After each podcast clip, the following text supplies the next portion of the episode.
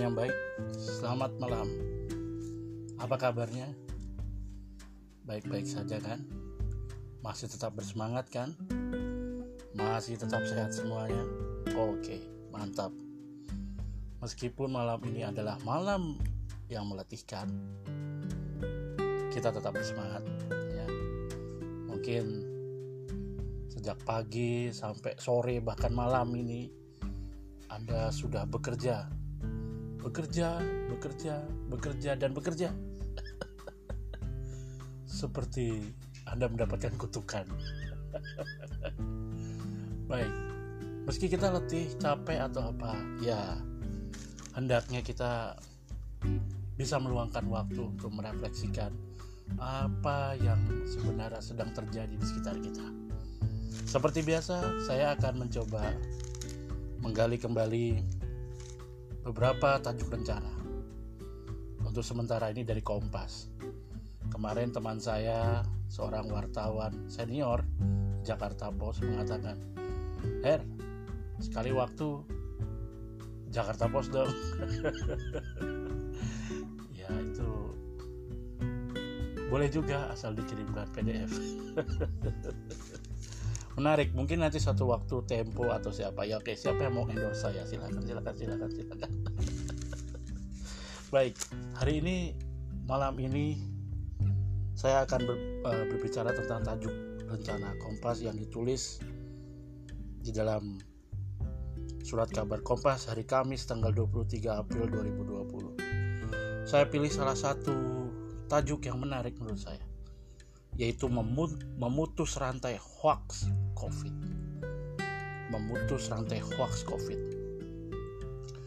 Uh, ada semacam presuposisi atau anggapan atau pernyataan dari pihak redaksi Kompas bahwa hoax itu sebenarnya adalah bagian yang sebenarnya ada di dalam diri manusia. Ini merupakan elemen lain dari kegemaran orang bercerita. Elemen lain dari efek homo narans, manusia sebagai pencerita. Maka saya akan coba bacakan kalimat pertamanya. Ini ini bagus sekali. Manusia dasarnya pendongeng yang kuat. Lukisan purba di gua membuktikan itu.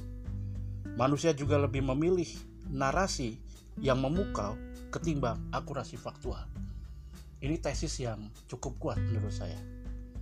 Di satu sisi ada kenyataan yang tidak dapat terbantahkan bahwa manusia itu adalah makhluk pencerita. Kita suka bercerita kita suka dengan dongeng kita suka dengan apa pun yang sifatnya memang mungkin ada bumbu fiksi. Itulah mengapa film komik novel begitu digemari.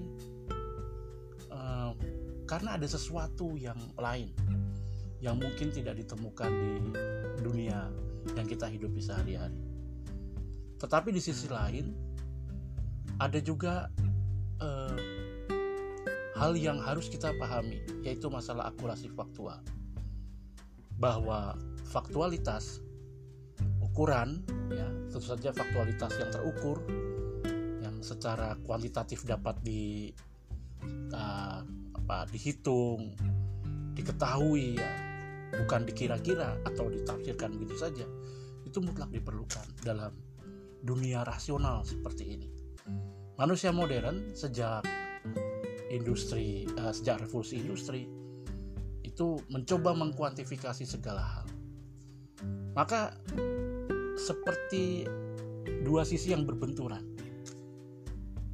Maka ini menjadi hal yang menarik untuk kita bicarakan karena apa? Karena di tengah-tengah pandemi COVID-19 ini ternyata hoax itu luar biasa banyak ya. Di tengah-tengah masa yang sulit dan memprihatinkan ini, masih saja ada pihak yang me meluncurkan hoax ya, yang me membuat hoax, membuat cerita-cerita yang memang sebenarnya tidak memiliki akurasi faktual disebutkan bahwa dana data Kementerian Komunikasi dan Informatika sepanjang 23 Januari hingga 21 April 2020 sudah terdapat 568 kabar bohong terkait COVID-19. Ini khusus di Indonesia tampaknya. Dan ini yang baru tercatat. Yang tidak tercatat mungkin banyak sekali. Dan hoax itu tersebar di berbagai platform media sosial. Indonesia adalah pengguna platform media sosial yang cukup besar, cukup tinggi. Hampir semua orang Indonesia sekarang ini boleh dikatakan memiliki account di media sosialnya masing-masing. Perkara mereka mungkin uh, memiliki lima media sosial tapi hanya aktif satu atau mungkin tidak aktif semuanya, tetapi uh, Indonesia memiliki potensialitas yang luar biasa sebagai konsumen media sosial. Teman-teman yang baik, ini yang sebenarnya uh, sangat mengkhawatirkan dalam situasi yang apa yang seharusnya kita itu uh, memperhatikan tentang akurasi faktual data-data dan sebagainya. Itu kok malah kita dihujani oleh hoax. Bahkan karena itu juga kesadaran bahwa kita perlu akurasi faktual itu memang terlihat sekali. Kita ingin sebenarnya misalnya contoh berapa sih sebenarnya uh, jumlah orang yang meninggalkan COVID itu? Berapa sih sebenarnya yang yang yang menjadi misalnya ODP dan PDP itu ya. Berapa sih sebenarnya yang sembuh gitu kan? Selama ini memang data ada di pemerintah. Tetapi dalam praktiknya di lapangan data seperti itu bisa berbicara lain itulah mengapa saya saya saya, saya berbicara bukan bukan bukan disebabkan oleh hal yang emosional tidak tetapi justru ini saya berbasis pada apa yang dikatakan oleh Kompas juga di headlines mereka hari ini yaitu mengenai transparansi data COVID-19 semakin mendesak. Angka kematian terkait dengan COVID-19 di tanah air diduga jauh lebih besar daripada laporan resmi pemerintah tidak terbukanya dan tidak terbukanya data membuat dampak sesungguhnya dari penyakit itu sulit diketahui. Masyarakat butuh akurasi faktual. Masyarakat punya hak untuk mengetahui hal ini.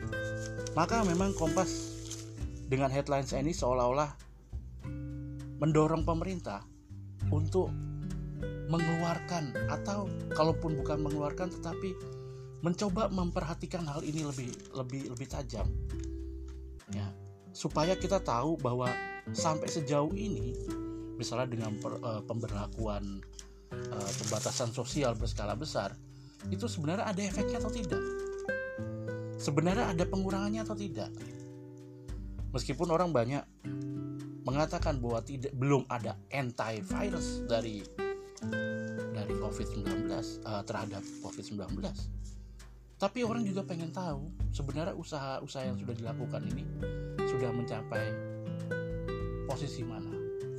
Termasuk kita juga bisa memahami bahwa uh, meskipun kita tahu bahwa manusia itu bukan angka, bukan hitungan, tetapi akurasi faktual itu membantu kita untuk bisa menafsirkan keadaan. Nah, berbicara mengenai bagaimana menafsirkan keadaan dengan cara yang lebih jernih, dengan cara yang lebih teliti, dengan cara yang lebih tajam, dengan cara yang lebih kritis. Ada satu tokoh yang harus saya sebutkan di sini, yaitu Profesor Dr. Arif Budiman. Hari ini adalah hari yang sangat menyedihkan bagi kita, karena beliau dipanggil Tuhan. Beliau meninggal di Salatiga, kota yang sangat dicintai saya memang belum pernah bertemu beliau. Tetapi pengenalan saya terhadap beliau wow, itu mungkin mungkin saya, saya saya rasa itu tahun 1989 ya. 1989 saya waktu itu masih SMP berita memuat banyak tentang peristiwa Kedung Om selain nama Arif Budiman tentu saja ada nama Romo Mangunwijaya tapi saya mau berbicara tentang Arif Budiman orang besar ini saudara dari Suhoki. Uh, beliau memperkenalkan tentang dampak dampak yang harus diperhatikan dari pembangunan itu. Bahwa memang ternyata pembangunan itu tidak selalu memiliki dampak yang baik. Ya, ada sisi buruknya juga, ada sisi gelapnya juga. Nah, ini ini yang yang pernah dikatakan. Saya pernah saya saya kemudian mencoba mencari uh, kumpulan clipping yang pernah saya buat. Ini tanggal 25 Maret 1989 dari majalah Editor. Ya. Ini editornya juga sudah almarhum adalah yang uh, cukup berani pada masa itu. Di situ editor memuat pernyataan Arif Budiman misalnya tentang uh, pembangunan itu untuk siapa sih sebenarnya? Arif Budiman mengatakan bahwa pembangunan Kedung Ombo itu sebenarnya untuk siapa menurutnya pembangunan untuk siapa gitu kan ya itu kan pembangunan untuk kelas menengah sebenarnya.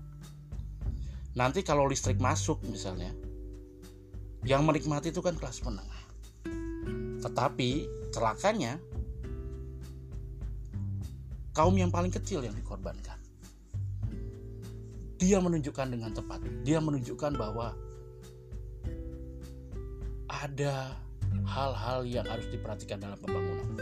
Saya hanya mau mengatakan ini adalah contoh yang luar biasa bagaimana Pak Arif Budiman mau berbicara tentang akurasi faktual, mau berbicara tentang kejernihan.